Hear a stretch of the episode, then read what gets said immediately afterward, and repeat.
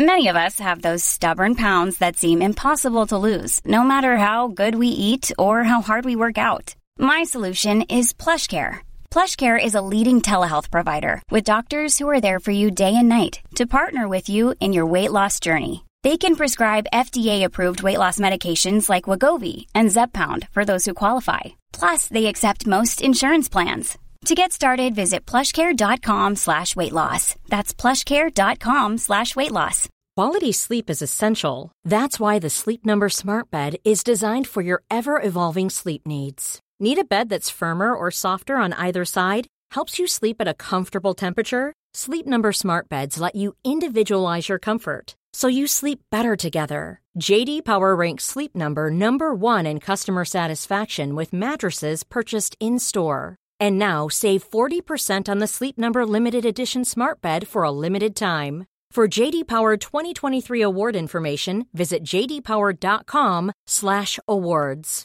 Only at Sleep Number stores or sleepnumber.com. Först. Ja, bra. Hör du mig bra då? Hör det kanon. Bra.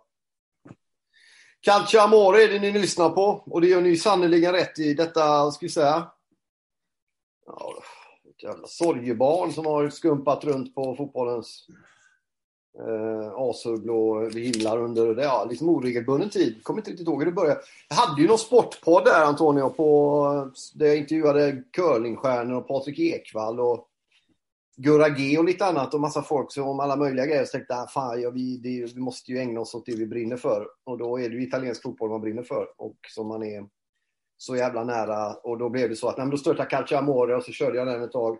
Och så gick det väl en, till en viss eh, gräns, till en viss del som allting annat. När det inte, nej, men när det inte finns resurser så får man ju kämpa och kämpa och kämpa. Men eh, med det sagt kan man ju säga att bifallet och responsen har ju varje gång och hela tiden av alla som lyssnar och följer eh, varit fantastisk. Utan den hade man ju inte orkat en kvart. Liksom. Sen så, bara för att dra en kort historia ännu kortare, så hade vi... Eh, eh, jag körde på ett tag, höll upp under en lång tid och sen så klev Nathalie Salomonsson in och körde lite grann. Nu är hon eh, lite, lite, vad ska vi säga, dragit undan under en period med lite sjukskrivningsgrejer och sådär och försöker att vila, vila upp sig och återhämta sig. Och jag också kan säga är, är, är den som borde ha sjukskrivit om jag ska ärlig. Jag är jävligt rörig. För att bara förklara. Ja, men jag, tycker, jag tycker det är kul att dra igång, tycker det är kul att göra grejer, tycker det är kul att prata som ni märker. Men när det ska dras vecka ut och vecka in och det inte går att leva på det så tycker jag det är tufft.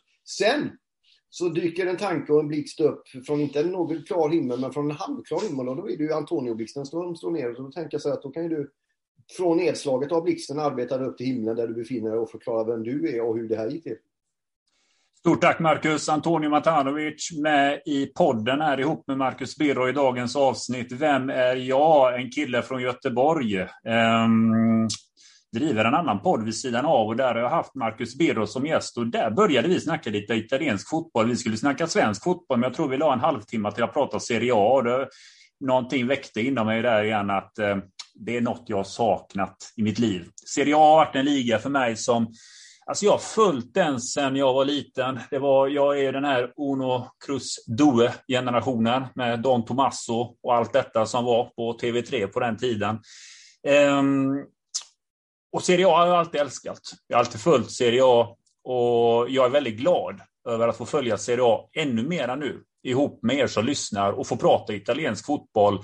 Jag har saknat det i mitt liv och jag är glad att kunna tillföra mer italiensk fotboll i livet för mig. För det är en liga med passion och det är fotboll för mig.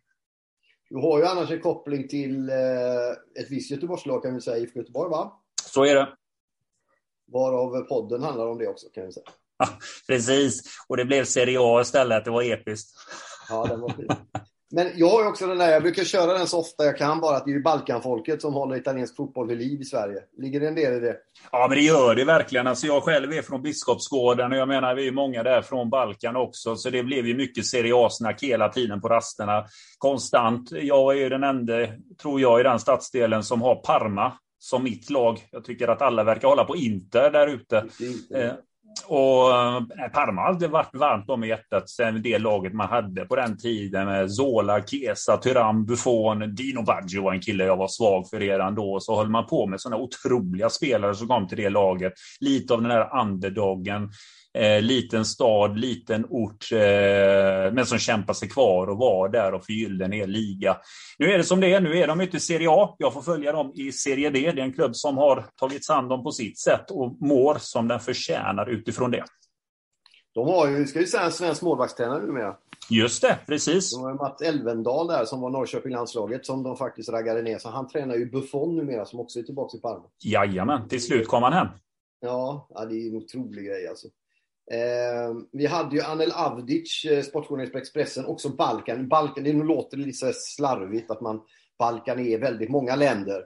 Om, om, om, en, om en vecka kan det vara ännu fler och sådär. Liksom, du vet, det är jävligt japp, japp, japp. Trappnummer man Ja, men du vet, det är tajt. Men, då för han har varit nere i Sarajevo på semester i sommar. Jag frågade honom så här, är det fortfarande där intresse för Serie A runt omkring? Eller är det bara jag som har fördomar om att det är människor därifrån? Men det han berättar, där är ju Serie A är ju fortfarande stort där nere. Ja, och det är det. Ja, men det är det. Och det, tittar man på ligorna där nere, det är ju ändå ligorna i Balkan, om man tar speciellt den eh, serbiska och kroatiska ligan, det är ju en hel del talanger som går från den ligan över till Serie A. Man har haft den relationen sedan innan och eh, det är många som etablerar sig och gör det väldigt bra i italienska ligan. Så det, det är tät bevakning. Eh, Kroatien älskar man också Serie A och följa fotbollen där. Ehm, och det finns ju en hel del kroater som spelar i Serie A och det är, det, är en, det är en liga som uppskattas och respekteras. Det finns en historia och man respekterar historien otroligt mycket runt om i södra Europa. Det finns alltid, finns alltid en kraft i de här klubbarna som lever kvar och det är ju fortsatt storklubbar det är, det, eh, i den europeiska fotbollen. Så är det ju bara. Mm. Hur, hur, två frågor då, liksom, hur var det i Sverige att följa Serie A? Prata om Uno Cruz Due, för det har ju också gått vi, det vi är en del av, en liten, liten del av, alltså den mediala rapporteringen kring Serie A, den har ju gått upp och ner. Jag var ju på Expressen när Zlatan var i Milan och då fanns det ju helikoptrar för att åka ner för att träffas och sen försvann han till Paris och hela jävla... Alltså hur har det varit att följa Serie A i Sverige och hur, liksom, hur har du bibehållit elden så att säga? Nej, men det är egentligen tack vare den omgivningen man är med, den umgängeskretsen. Vi är ju ett par eh, Serie A-fantaster som har älskat det. Men ser man till eh, den stora skaran när man pratar fotboll så är det ju Premier League det pratas primärt om. Men jag har aldrig fastnat för Premier League. Eh, det har aldrig varit en liga som jag har följt. Jag följer till och med mer tysk fotboll istället än Premier League. Men på något sätt så, det är ju tack vare omgivningen och vänskapen man har runt sig. Nu får jag ju säga dock att om man jämför yngre ålder så följde jag ju Serie A mycket, mycket tätare än vad gjorde de här senare åren. Det är väl nu på sistone jag har hittat tillbaka igen lite grann till Serie A-fotbollen och blivit lite fascinerad över vad som händer där nere. Och på något sätt också, Corona gjorde lite grann att jag hittade tillbaka där med, för jag blev fascinerad över hur påverkar, hur mår den italienska fotbollen när det väl krisar, en nation mår dåligt som Italien blir påverkad utav Corona. Ehm, och velat sätta mig in i det. Och det är det. Det har på något sätt det har gått lite i vågor, men jag känner att jag hittar hem igen. Italien är ett land som eh, är ett, ett väldigt, väldigt vackert land. Det är ett fantastiskt land, men det är också ett jävligt svårt land att leva i. Ett besynnerligt land på väldigt många sätt. Men de har en egenskap och det är att när de ställs inför väldigt allvarliga kollektiva utmaningar. Om det så var tsunamin där det var många italienare som var inblandade så hade de sina eh, du vet, italienska militärplan landade innan folk hade vaknat i Rosenbad till exempel när det händer saker så blir de jävligt effektiva. Om vi överför det till en fotbollsnivå så kan vi ju minnas alla liksom att de mästerskapen, 82 till exempel, hade man en Paolo Rossi som var avstängd för spelskandal som egentligen skulle vara borta över VM till någon jävel på förbundet kom på att fan just det, han gör mål ja, han behöver nog vara med vid VM. Vi går in på ett extra möte imorgon och förkortar hans tid så han kan åka till VM. Det var ett jävla liv på dem i gruppspelet 82. De spelade som odugliga apor, löd rubriken. Italien kräks på er, löd en annan rubrik det var fullt. Det var då som Bearzot införde det som sen blev Silencio Stampa, alltså man vägrar prata med tidningar. Byggde en grupp eh, genom att skaffa sig, verkligt eller inte, ett motstånd. Alla är emot oss nu. Alla hatar oss nu. nu är det jävligt tufft alltså. Sen har man haft på lite olika sätt, har man haft den, den föreställningen gentemot världen att det är så man bygger grupp, genom att ha ett motstånd av olika slag. Sen om det har varit sant eller rätt eller inte, som en avslutning där som 06 till exempel. Bara veckor innan VM 06 så hade de Calciopoli som vevades igång med polisrazzior i gryningen runt om över hela Italien. De spelade en träningsmatch, jag pratat om innan, mot Schweiz till exempel. Det hela, alla i Italien ställde sig upp och buade ut det egna landslaget. Och det var diskussion i TV. Vi ska inte skicka något jävla landslag. Vi har inget landslag. Vem fan ska representera den här jävla skurknationen i VM? Och så Sen åkte de över Alperna och gick och vann alltihop. Liksom. Och Gattuso sa ju det sen, packade in kalsongerna i någon jävla rajintervju-klassiker numera. Han sa det att vi hade aldrig vunnit VM utan Calciopoli. Och det är samma nu med det som hände med pandemin som du är inne på och allt det där som enade det här laget. Det är en stor bärande anledning till att Italien vinner EM. Det är att vad de har gått igenom de sista två åren. Många europeiska länder har gått igenom mycket, men de har gått igenom kanske bland de som har gått igenom mest och flest. Så det, där är, det finns ju ett mönster hela tiden när man ser tillbaka på italiensk landslagsfotboll och framgångar de sista ja, 40-50 år. Ja, men så är det. Det är en historia. Man har varit med om krissituationer. Det finns liksom någonting i det som du säger när man går tillbaks till eh, krig och liknande. Italien har varit med om mycket. Man enar sig som nation och kämpar som en nation och det ser man. Jag är helt med dig. Jag tror inte Italien har vunnit EM annars. Det här slöt samman en trupp, det här slöt samman hela laget och med en fantastisk tränare där man tror på idén och slöt sig samman tränaren så gick det rakt igenom hela EM där man till och med kunde rotera utan att det blev gnissel och diskussioner i truppen utan man fullföljde sin plan som tränaren satte upp och brann för det och det var det som gjorde skillnaden. Ja. Ja, och det var, jag fick någon fråga i TV där inför finalen i TV4 Nyhetsmorgon frågade ja, för det var många som tryckte på att nu är det 50 000, eh, drygt 60 va, vad fan på Wembley och det är massor med Det kommer inte röra dem i ryggen. Så är det någonting som det kommer inte röra dem överhuvudtaget. Det kommer bara hjälpa då, dem. Då, ja, exakt. Det kommer bara hjälpa dem. Men sen så gör ju England 1-0 efter vad fan det är, fyra minuter med den jävla Shaw som stövlar in där för Di Lorenzo tappar honom på, på backen där. Och då kände jag väl, ärligt talat, för jag, jag är också bångstyrinad rören. Då tänkte jag att det där blir fan inte lätt att ha 60 000 aspackade engelsmän. Får 1-0 efter fem minuter. Det här kommer sätta sig. Men det gjorde det inte. Nej, det gjorde det. De körde liksom. Nej, det var, det var, det var fantastiskt på alla jävla sätt och vis. Alltså. Så där är vi ju nu. Jag satt och kollade på när alla kanalerna har det. Kesas, Juventus, de mötte Juventus U23 och sådär. Och börjar se de här spelarna i andra sammanhang igen. För alla är ju inte lika sinnessjuka som jag. Jag går in och googlar igen varje dag. Straffarna, olika straffar varje dag, olika vinklar. Hur de firade, du vet något italienskt kvarter i Quebec, satt upp någon kamera på någon lyktstolpe, underbart att se. 10 000 likes liksom, bara innan sådana Så det, vi går vidare, försöker släppa EM. Jag har svårast i världen att göra det, men ändå blicka framåt mot CDA som drar igång och med, med din blick på det och, och ändå ha med oss det att det kommer bli ett större fokus på Serie A nu eftersom det ändå är liksom en mästarliga i den meningen att, att, att Mancini byggde sitt, sitt eh, vinnarlag med oftast företrädesvis, inte bara, men mycket åtminstone inhemska spelare från klubbar. Jag menar killar som Spinazzola, eh, Lucatelli och några till. Det är ju folk som vi vet vilka de är som kollar på Italien Moldavien i november och ser på Parma, Sassuolo i oktober och sånt där. Men vanligt folk hade ju ingen jävla aning liksom. Hur är din känsla inför den här säsongen av Serie A som drar igång, Thierry? Mycket spännande. Eh, det har varit, eh, silly season är ju i full gång, går ju in i slutspurten här. Man får ju titta lite grann på det från olika vinklar. Vi har eh, regerande mästare Inter som absolut har en stökig sommar. Vi ska komma ihåg att eh, Coronan har ju påverkat den europeiska fotbollen i mångt och mycket. Den italienska fotbollen har åkt på ganska tuffa smällar när det kommer till det ekonomiska. Att ha en säsong utan publik Inter, som ägs eh, av kineser, har ju börjat plöja in pengar för två säsonger sedan när man började värva en hel del spelare. Man tog dit Lukaku, Eriksen exempelvis. Många spelare, stora pengar lades, miljarder investerades. Sen kom corona. ska man veta det att kineserna där fick ju stopp. Plötsligt kunde inte de pumpa in mer pengar för de styrs ju också av regeringen där borta, vilket gör att det blir lite stopp i kranen.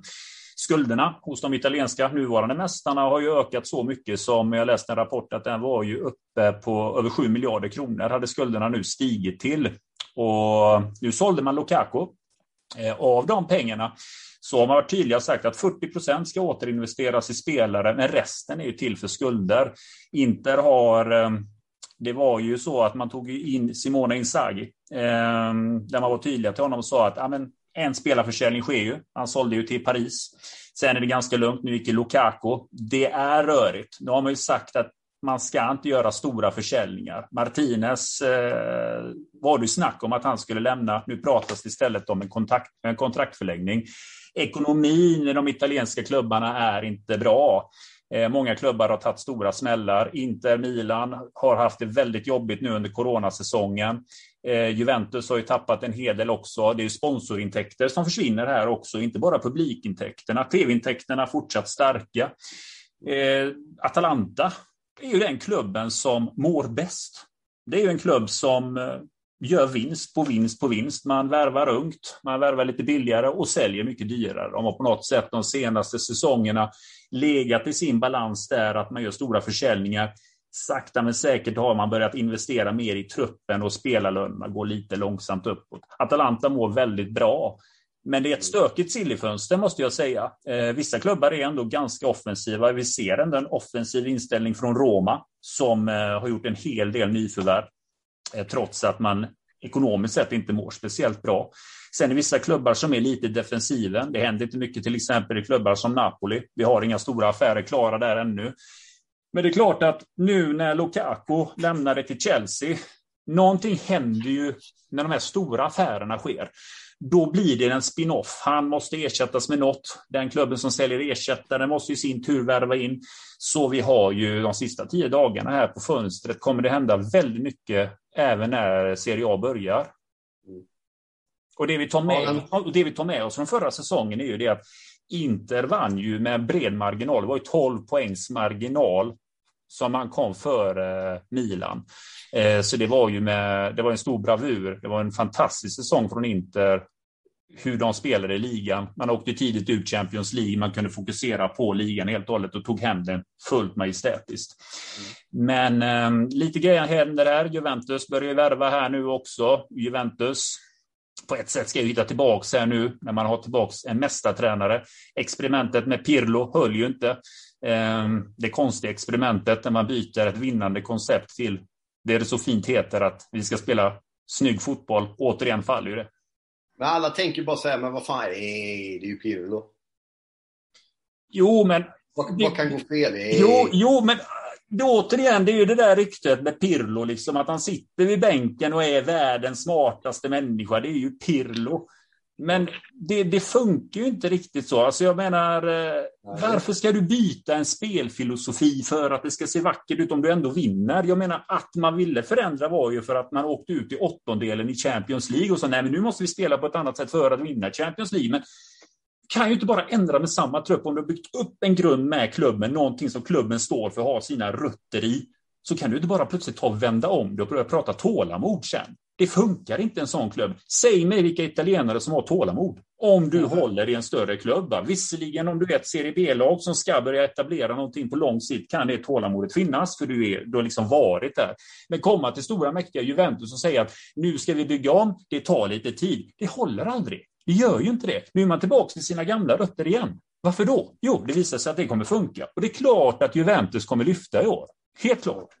Ja. Vad, eh, du kanske hade något annat på din agenda där, men jag tänker lite på Spalletti, den stackaren som kör så här var, varannat år i Italien och kör sin klubb, inte ner diket, men en bra bit i Maskroshavet. Lämnar till Ryssland typ, kommer tillbaka och gör samma sak. Men han har ändå någonting har han ju, för nu är han ju i Napoli. Mm.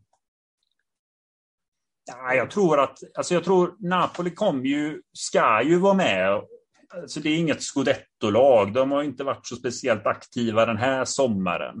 Eh, men det är ett lag... De har köpt, de skaffade en stackaren Juan Jesus, så det är vi alla glada över att vi slipper honom idag. Ja, han blir ju klar här nu. Men annars ett otroligt lugnt fönster från Napolis del. Jag tror att Napoli kommer absolut vara med, ska vara med här och slåss om en sista Champions League-plats ska de kunna utmana om. Men om att jaga någon ligatitel, kommer de inte räcka till med. Det tror jag absolut inte. Vad tror du ser ut i toppen då? Vad har vi för fem, sex lag eller de sju systrarna som man pratar om i Italien? Ska man eh, se vad experter säger ute i världen så är det som så att Juventus är ju faktiskt eh, av många eh, tippare till att vinna scudetton. Eh, Inter är, är Ronaldo kvar då? Ronaldo blir ju kvar. Jag tror att han blir kvar likt förbaskat hela den här säsongen för Juventus. Och jag menar, säg vad man vill, Ronaldo gör mål. Ronaldo ja. Och jag tror att Ronaldo kommer må bra i detta. Jag tror att han kommer trivas bättre i eh, en kultur där man nu går och pratar om att vinna igen och inte att utveckla någonting. Ronaldo ska ju vara kvar den här säsongen. Juventus, det har ju pratats en hel del i Juventus om hans löneposter, att han är dyr att ha i klubben.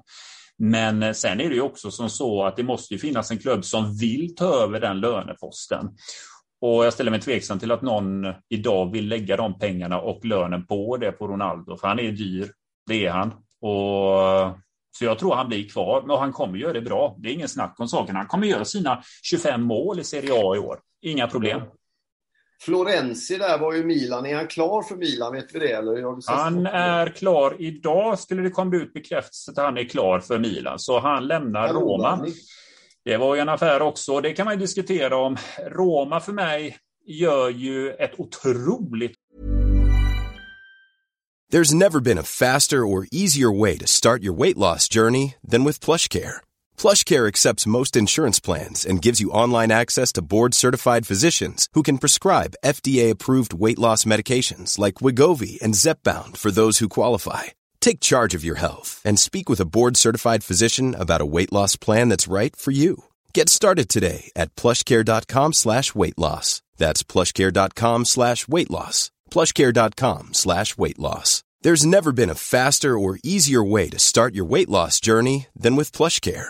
PlushCare accepts most insurance plans and gives you online access to board-certified physicians who can prescribe FDA-approved weight loss medications like Wigovi and Zepbound for those who qualify.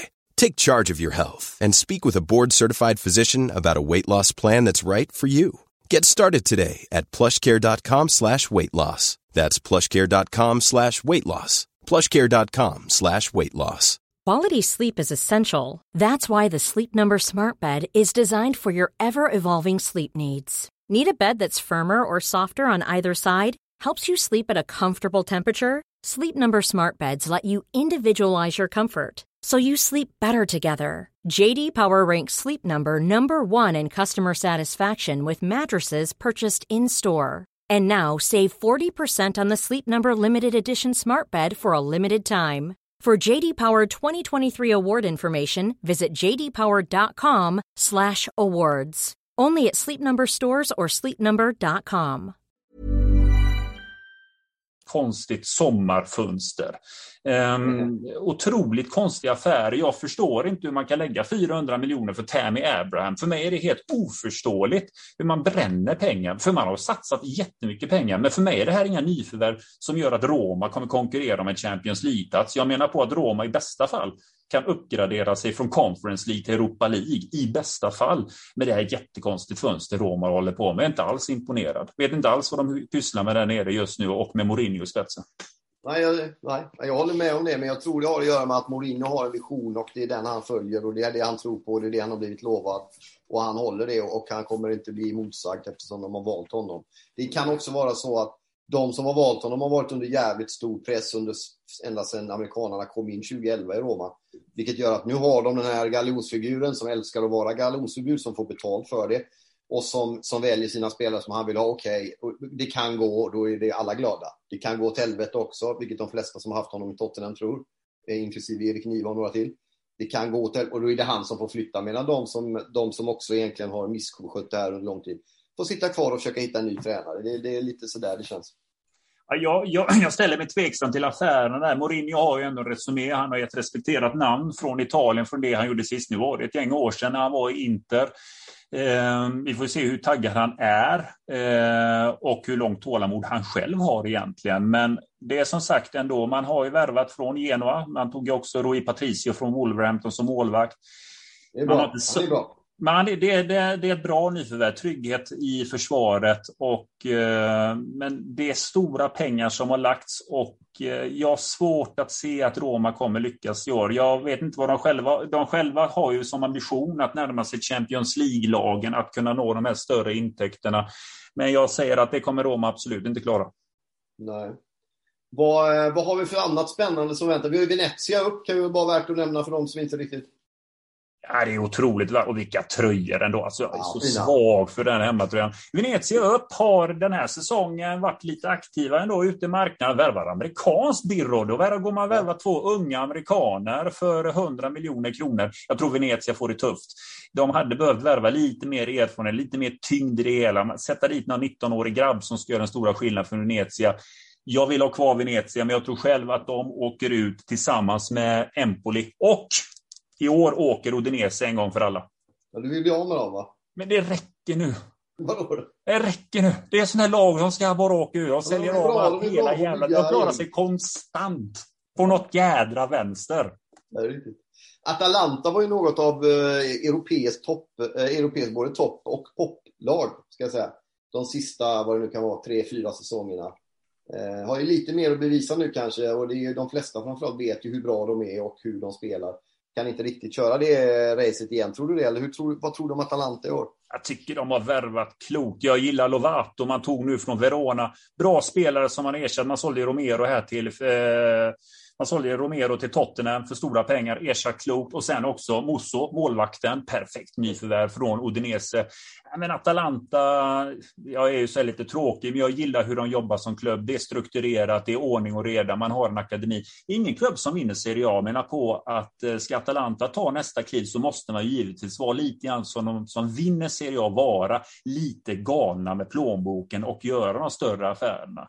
Men Atalanta är absolut en klubb som ska vara med i topp toppen. Jag tror de slutar trea i år. De kommer inte vinna Champions League, men de kommer göra det bra i Champions League. Det är ett sånt här lag som sakteligen etablerar sig. Och de har en modell som fungerar. Jag tycker att Atalanta har en modell som skiljer sig från många italienska klubbar. För Serie A får ju stämpeln att det är ekonomiskt haveri hela tiden i den ligan. Men Atalanta är någonting helt annat när det kommer till struktur, ekonomi och hur man jobbar med sin akademi. En fantastisk resa de har gjort och eh, de är med i toppen i år igen. Inget snack om saken. Värt att nämna bara eh, nyförvärv och värvningar är ju Locatelli då, som till sist lämnar Sassuolo och är väl klar för Juventus. För något Så är det. Lån och eh, Juventus betalar inte summan nu utan det finns då så kallade kravoptioner där de ska då betala efter ett tag till Sassuolo 350 miljoner kronor. Så säger vad baserat också... på vad? Nej, det är alltså att de lånar honom först och betalar sen. Det är lite grann att man håller i pengarna och när man gör en sån affär då kan det bli lite grann också att Istället för att ni får, säger vi, nu säger jag bara en summa, 280 nu direkt så ger vi er 350 om ett litet tag så ni får lite mera. Det säger också lite grann om det ekonomiska läget just nu för många klubbar i Italien, att man kanske inte kan pytsa ut de här pengarna just nu, utan man behöver få in lite grann innan man kan betala till den säljande klubben. Mm. Sen tror inte jag att det är en självklarhet att en spelare som Locatelli som gjorde det bra, ska vi säga, i Sassuolo. Han var jättebra. Han var en av deras bästa spelare. Men det var liksom inte någon Maradona bra där. Så han, alltså han var bra i mästerskapet han, han, han, när han kom in och han blev en skärm. Han skärmade ju fotbolls-Europa liksom. Då det finns ju, jag vet att Djurgården har haft på sin, jag pratade med Kim Bergstrand om det, på sin eh, träning, den jävla löpningen han gör där för 1-0 mot Schweiz är det väl, där han slår passningen på egen planhalva och sen tar en löpväg hela vägen till mållinjen och får tillbaks bollen av Berardis, hans lagkamrat och sådär. Så att han har varit i förhållanden och sammanhang där han har trivts jävligt bra. Nu är han ute på en ny piazza och var i, alltså Juventus är något helt annat. Med det sagt så har jag ungefär samma sak om Kesa också. Och Kesa har ju tagit steg till en av de fem, alltså utan att överdriva, fem bästa anfallarna i världen efter de jävla målen han gjorde i EM. Ja, en otrolig Kesa. Han kommer att ha en fantastisk säsong i Juventus. Det är jag helt säker på. Vi får se lite grann med Juventus om de får igång Dybala. Dybala också. Det är också en viktig spelare att få igång för att det ska göra skillnad till Juventus. Så det är klart som tusan att Juventus ska inte sluta fyra. De ska vara egentligen de ska egentligen stå som Serie A-segrare. Jag tror själv, dock trots sina problem, så sticker jag ändå ut haken och säger att Inter tar det. Mm, jag tror Milan. Men det var kul, jag satt och kollade lite på alla de här 100 TV-kanalerna. Så var det ju som sagt Juventus mötte sig själva som U23, där, års U23. Bonucci var med och spelade. Eh, Chiesa var där och eh, Morata gick runt och missade lite grann också. Ja, men då är det som vanligt igen. Och sen måste vi bara kort vara lite estetiska också prata om. Roma har ju fått ny tröjleverantör. Det är ju så jävla trött. Det är ju Liverpools gamla. De är ju så trötta som man blir alldeles Det är varken fult eller fint. Nu idag när vi bandar det här så kom de vita. Och det ser ut som några jävla badringar på, på armarna där. Och man, man, man, vill älska det så mycket och vitt är snyggt. Men det går att göra så jävla mycket mer. Och bara med innan, vi, alltså, innan, innan du hugger det. Jag såg Juventus tredje ställ, har du sett det? Ja, jag såg det. Såg ut som en sån här, jag har sett såna, du vet, inte Nutella har ju sin egen, men jag har sett andra såna chokladburkar som de den river designen. av liksom. Ja, ja, ja. Jo, Men men, det var ju kul och blått och kors och skit och alla möjliga jävla färger överallt. Men jag har sett värre. Alltså Juventus är ju, den är ju historia sig. Jag vet inte om du har sett Pumas kollektion av 3D-tröjor i år? Vad, du, vadå kör- på alla, är det samma på alla där? Ja, ja. De tar ju bort klubbloggan. Klubbloggan står ju inte ens på tredje raden. Det står ju liksom Jo. ett namn på tröjan. Så står det till exempel klubbens namn Valencia. Då står ju loggan borta. Det ser ju ut som det är någonting du köper i... Ja, men tänk att något sunkigt tak i Bangkok du köper för 20 spänn, typ som du vill ge till ungen för de tigger fotbollströjor. Du vill inte köpa en matchtröja för det är så dyrt. Så köper du en sån för 20 spänn vid stranden där va? Och ger dem. Det är det, den jävla- typen av stil. Ja, vilka italienska lag är det som har Puma-klubblag? Ja, dålig på det. Ja, Adidas, Milan och Adidas va? Adidas är alltid bra. Adidas är alltid bra. Men sen är jag från Ja, Balkan också. Adidas är ju, det, är- det är ju våra Men nationalkläder. Inter hade ju också, Inter hade ju, har ju Nike. Mm. Tror jag om jag inte är fel. Och de hade ju, det var någon kille på Hemköp kom fram för några dagar sedan och bara, han skulle visa de där jävla bilderna vid, vid kaffet där. Och vad, vad fan är det här liksom? Så, det var någon sån ormskins... Den såg jag. Jo, men de jävlas med ränderna så in i bomben. Det Men började inte ju... bara ränderna! Vad fan, är det, vi älskar ju ränder! Ja, men, ja, det har jag varit på. Men man ska aldrig svika ränderna. Milans tröja var inte Många speciellt... ränder! Jo, men grejen var Milan förra året, om vi tar ränder, den var bra. Nu börjar de igen att ha vissa ränder som är lite tjockare och andra tunnare. Förstår inte alls det. Alltså nej, det blir inte stilrent för mig. När man klagar det måste vara lite samtidigt. Juventus i år är ju alltså, på en annan planet om man jämför med förra året. Förra året måste det, det kommer gå på ett museum som den fulaste matchtröjan ett internationellt stort europeiskt fotbollslag någonsin har haft. Ja, men nu har de hittat hem sina tröjor Juventus, absolut. Jävligt mycket Adidas bara på dem, men det, det är ju som det är. Liksom. Men jag får säga Venezia i år. Fy satan vad fina det är. Det är Ja, en men- tröja. Kanske blir man påverkad också över att reklamen dunkades ut av lätt neurotiska kvinnliga fotomodeller i de något högre tonåren. Det, brukar, det hade inte fungerat i Sverige. Kan man säga. Jag missade det får jag säga. För det, det, det, det, Ja, kan det, det var precis, mitt... vad fan, det, är någon, ja, men det var en, en fotomodell-tjej, du vet, och du- man säger så oj, vad är det här? Ja, Venezia, vad fan, det måste ju vara någon sån här. Men det var ju klubben som promotade herrarnas matchtröjor på kvinnliga fotomodeller. Det är lite sådär. Kan man ha åsikter om. Men jag reagerade på det, jag gick vidare. Vad säger Men du jag är jävligt nära att köpa tröjan. Ja, nej, men samma här, det får jag ju säga. Vad tror du själv? Vilken leverantör? Vilka är det de har? Äh, Hjärnsläpp. Det är Kappa. Kappa, ja. Fina Kappa. ja. Vad säger du själv då? Vad tror du om Milano-lagen i år, då? Eh, jag tror, nej men det är tajt såklart som fan på alla sätt. Men jag, jag tror att Milan eh, drar längsta stråk. Jag hade någon enkät på svenska fans också. Jag får hålla fast vid det. Jag tror Milan vinner. De har ju... De, ja, alltså där får man ju ändå säga att eh, de har ju varit aktiva nu den här sommaren. Är det någon klubb som verkligen missade Bosman eller åkte på en Bosman-smäll så är det Milan då med Donnarumma som stack och eh, Calhanoglu som stack till Inter. Var liksom noll spänn ersättning. Att tappa Donnarumma på det sättet, Ja, den, det är är, den är inte bra alltså. Den är bra. är skitsamma kan jag tycka, men, men eh, det är hårt. Men, men Donnarumma, framförallt med det EMet han hade. Liksom, Otroligt. Otroligt. Alltså. Ja. Men vi får se en sån som Oliver Giroud kommer in där. Eh, Det blir väl lite grann att han och Zlatan kan ju pendla. Det blir väl lite skador och sånt som dyker upp så man har lite bredd. Men intressant fönster. Fortsätter värva ändå ganska ungt, Maldini. ja, det är nog Eh, bra om man gör det. Får sänka den medelåldern med de gubbarna i. Jo, men han gör ändå lite grann. Nu kommer Florens in här och 31, men annars har det varit 21-22-åringar som han har tagit in här nu i Milan. Så det är klart det är ett spännande, spännande jobb som sker. Milan ska ju vara med där uppe. Jag tror inte de drar längsta strå. Jag tror ändå att Inter löser det. Det är mycket negativa rubriker om Inter, men jag tror fortsatt att eh, det kommer ett nyförvärv till Inter. Eh, fönstret är inte riktigt stängt ännu. När stängs det där nere? 30 är det. Det stängs i slutet. Alla, det är ju så att fönstren stängs, ju- de stora ligorna stänger ju samtidigt. Det är slutet av den här månaden som är deadline day så att inte det skiljer sig åt. Men vi får väl se lite grann. Inter har ju tagit in Calhanoglu. Sen värvade de ju en kille från eh, Holland. Det var ju Dumfries som lovordas efter Hollands EM. Men jag lägger inte någon stor vikt i det för att Ja, du lyckades i Holland. Du spelade dina tre gruppspelsmatcher på hemmaplan i Amsterdam. Det ni kommer bara vinna det.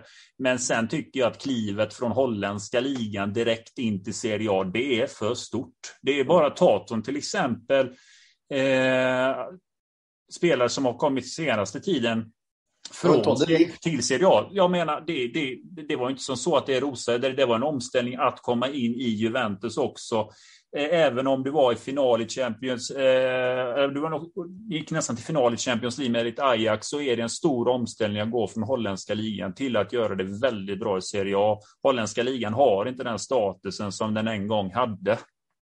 Nej, men han, hade ju liksom, han var ju betraktad som en av de bästa försvarsspelarna i Europa. Det liknande han kom. Han var jävligt bra. Men det, han var ändå en, en, en eh, junior i början. Liksom. Ja, men så är det ju. Och det är en omställning. Sen är det Juventus visserligen också, men det är även Inter här. Så hittills inte de stora affärerna. Men Inter kommer göra någon affär till som jag tror räcker. Jag tror Alltså, man ska inte underskatta det, men Edin Dzeko, rätt miljö, det är motivationsspelare. Det vet du som Roma-fantast som har följt honom. Jag menar, den här senaste säsongen, inga bra, det var ingen bra säsong för Dzeko. Säsongen innan öste han in mål.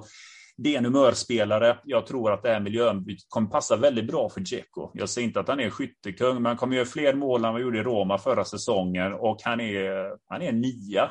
Han kommer göra sitt jobb där, så jag tror han kommer passa in bra. Hålla sig frisk, skallen med. Det blir en skillnad. Jag tror att, jag tror att det är sådana små saker och att Martinez har en fin säsong. Inter vinner. Mm. Man kan avsluta lite också med att kolla på svenskarna där. Det, jag hörde något rykte sist om att Alvin Ekdal eventuellt var påtänkt för Spezia. Det tror jag inte kommer hända. Han är så pass för viktig för Sampdoria.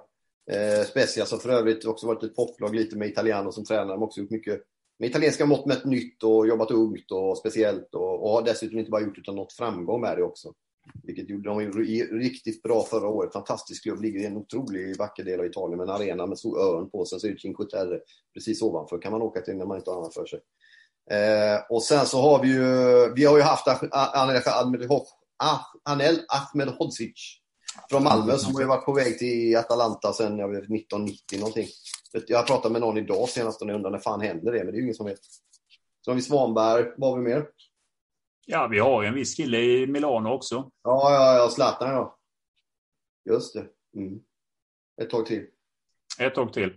Ja. Vad tror du då? Nej, men han kommer göra det bra ifrån sig. Zlatan är en klok spelare som rör sig på sitt sätt utifrån också vad han kan hantera. Jag tycker han har en bra tränare som Pioli som instruerar också hur han ska röra sig på plan, var han ska befinna sig på plan.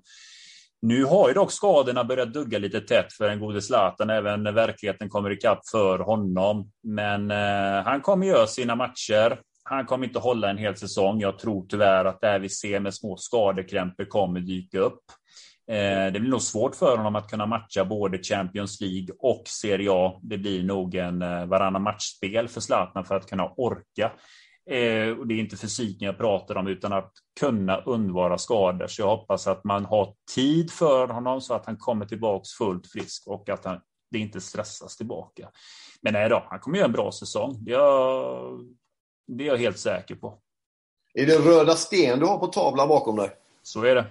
Ja, bra. Jag var aldrig orolig. Vi summerar väl ihop det här första så här, halvpilotavsnittet, Antonio. Då. Vad är känslan? Ja. Känslan är bra. Serie A till helgen. Det börjar på riktigt. Det ska bli gott. Eh, ser fram emot det. Det är alltid spännande och eh, för mig så börjar ju sen Serie A på riktigt också i september för då är trupperna satta. Det är lite rörigt här de här första omgångarna. Det kommer att gå lite spelare in i det sista. Så vi får se lite grann hur det formerar sig. Roma spelar just nu kval till Conference League här nu borta mot Trabzonspor. Så det har börjat komma igång nu med lite matchtempo och liknande. Så nej då, det känns gött. Det, det kommer igång här nu. Det ska bli kul att följa. Bra. Och fortsätt att följa oss också och häng i här så ska vi se till att försöka portionera ut det här under någon form av regelbunden eh, taktik och eh, regelbundet tempo. Tack för att ni varit med i det här första avsnittet. Sprid ordet om det. Eh, och eh, ja, framförallt det. Och ta hand om er mellan varven. Och tack för att du är med och gör det Antonio. Eller du med gör det. Det är du som gör det. Tack för att jag får vara med och göra det. Det var så lite så det då. Ciao på er lyssnare. Ciao.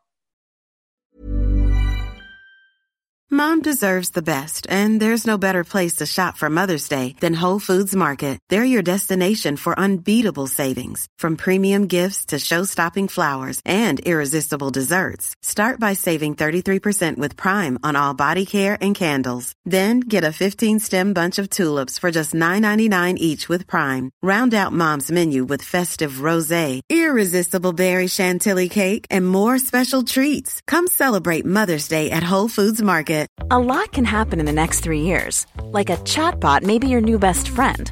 But what won't change? Needing health insurance. United Healthcare Tri Term Medical Plans are available for these changing times. Underwritten by Golden Rule Insurance Company, they offer budget friendly, flexible coverage for people who are in between jobs or missed open enrollment. The plans last nearly three years in some states, with access to a nationwide network of doctors and hospitals. So, for whatever tomorrow brings, United Healthcare Tri Term Medical Plans may be for you. Learn more at uh1.com.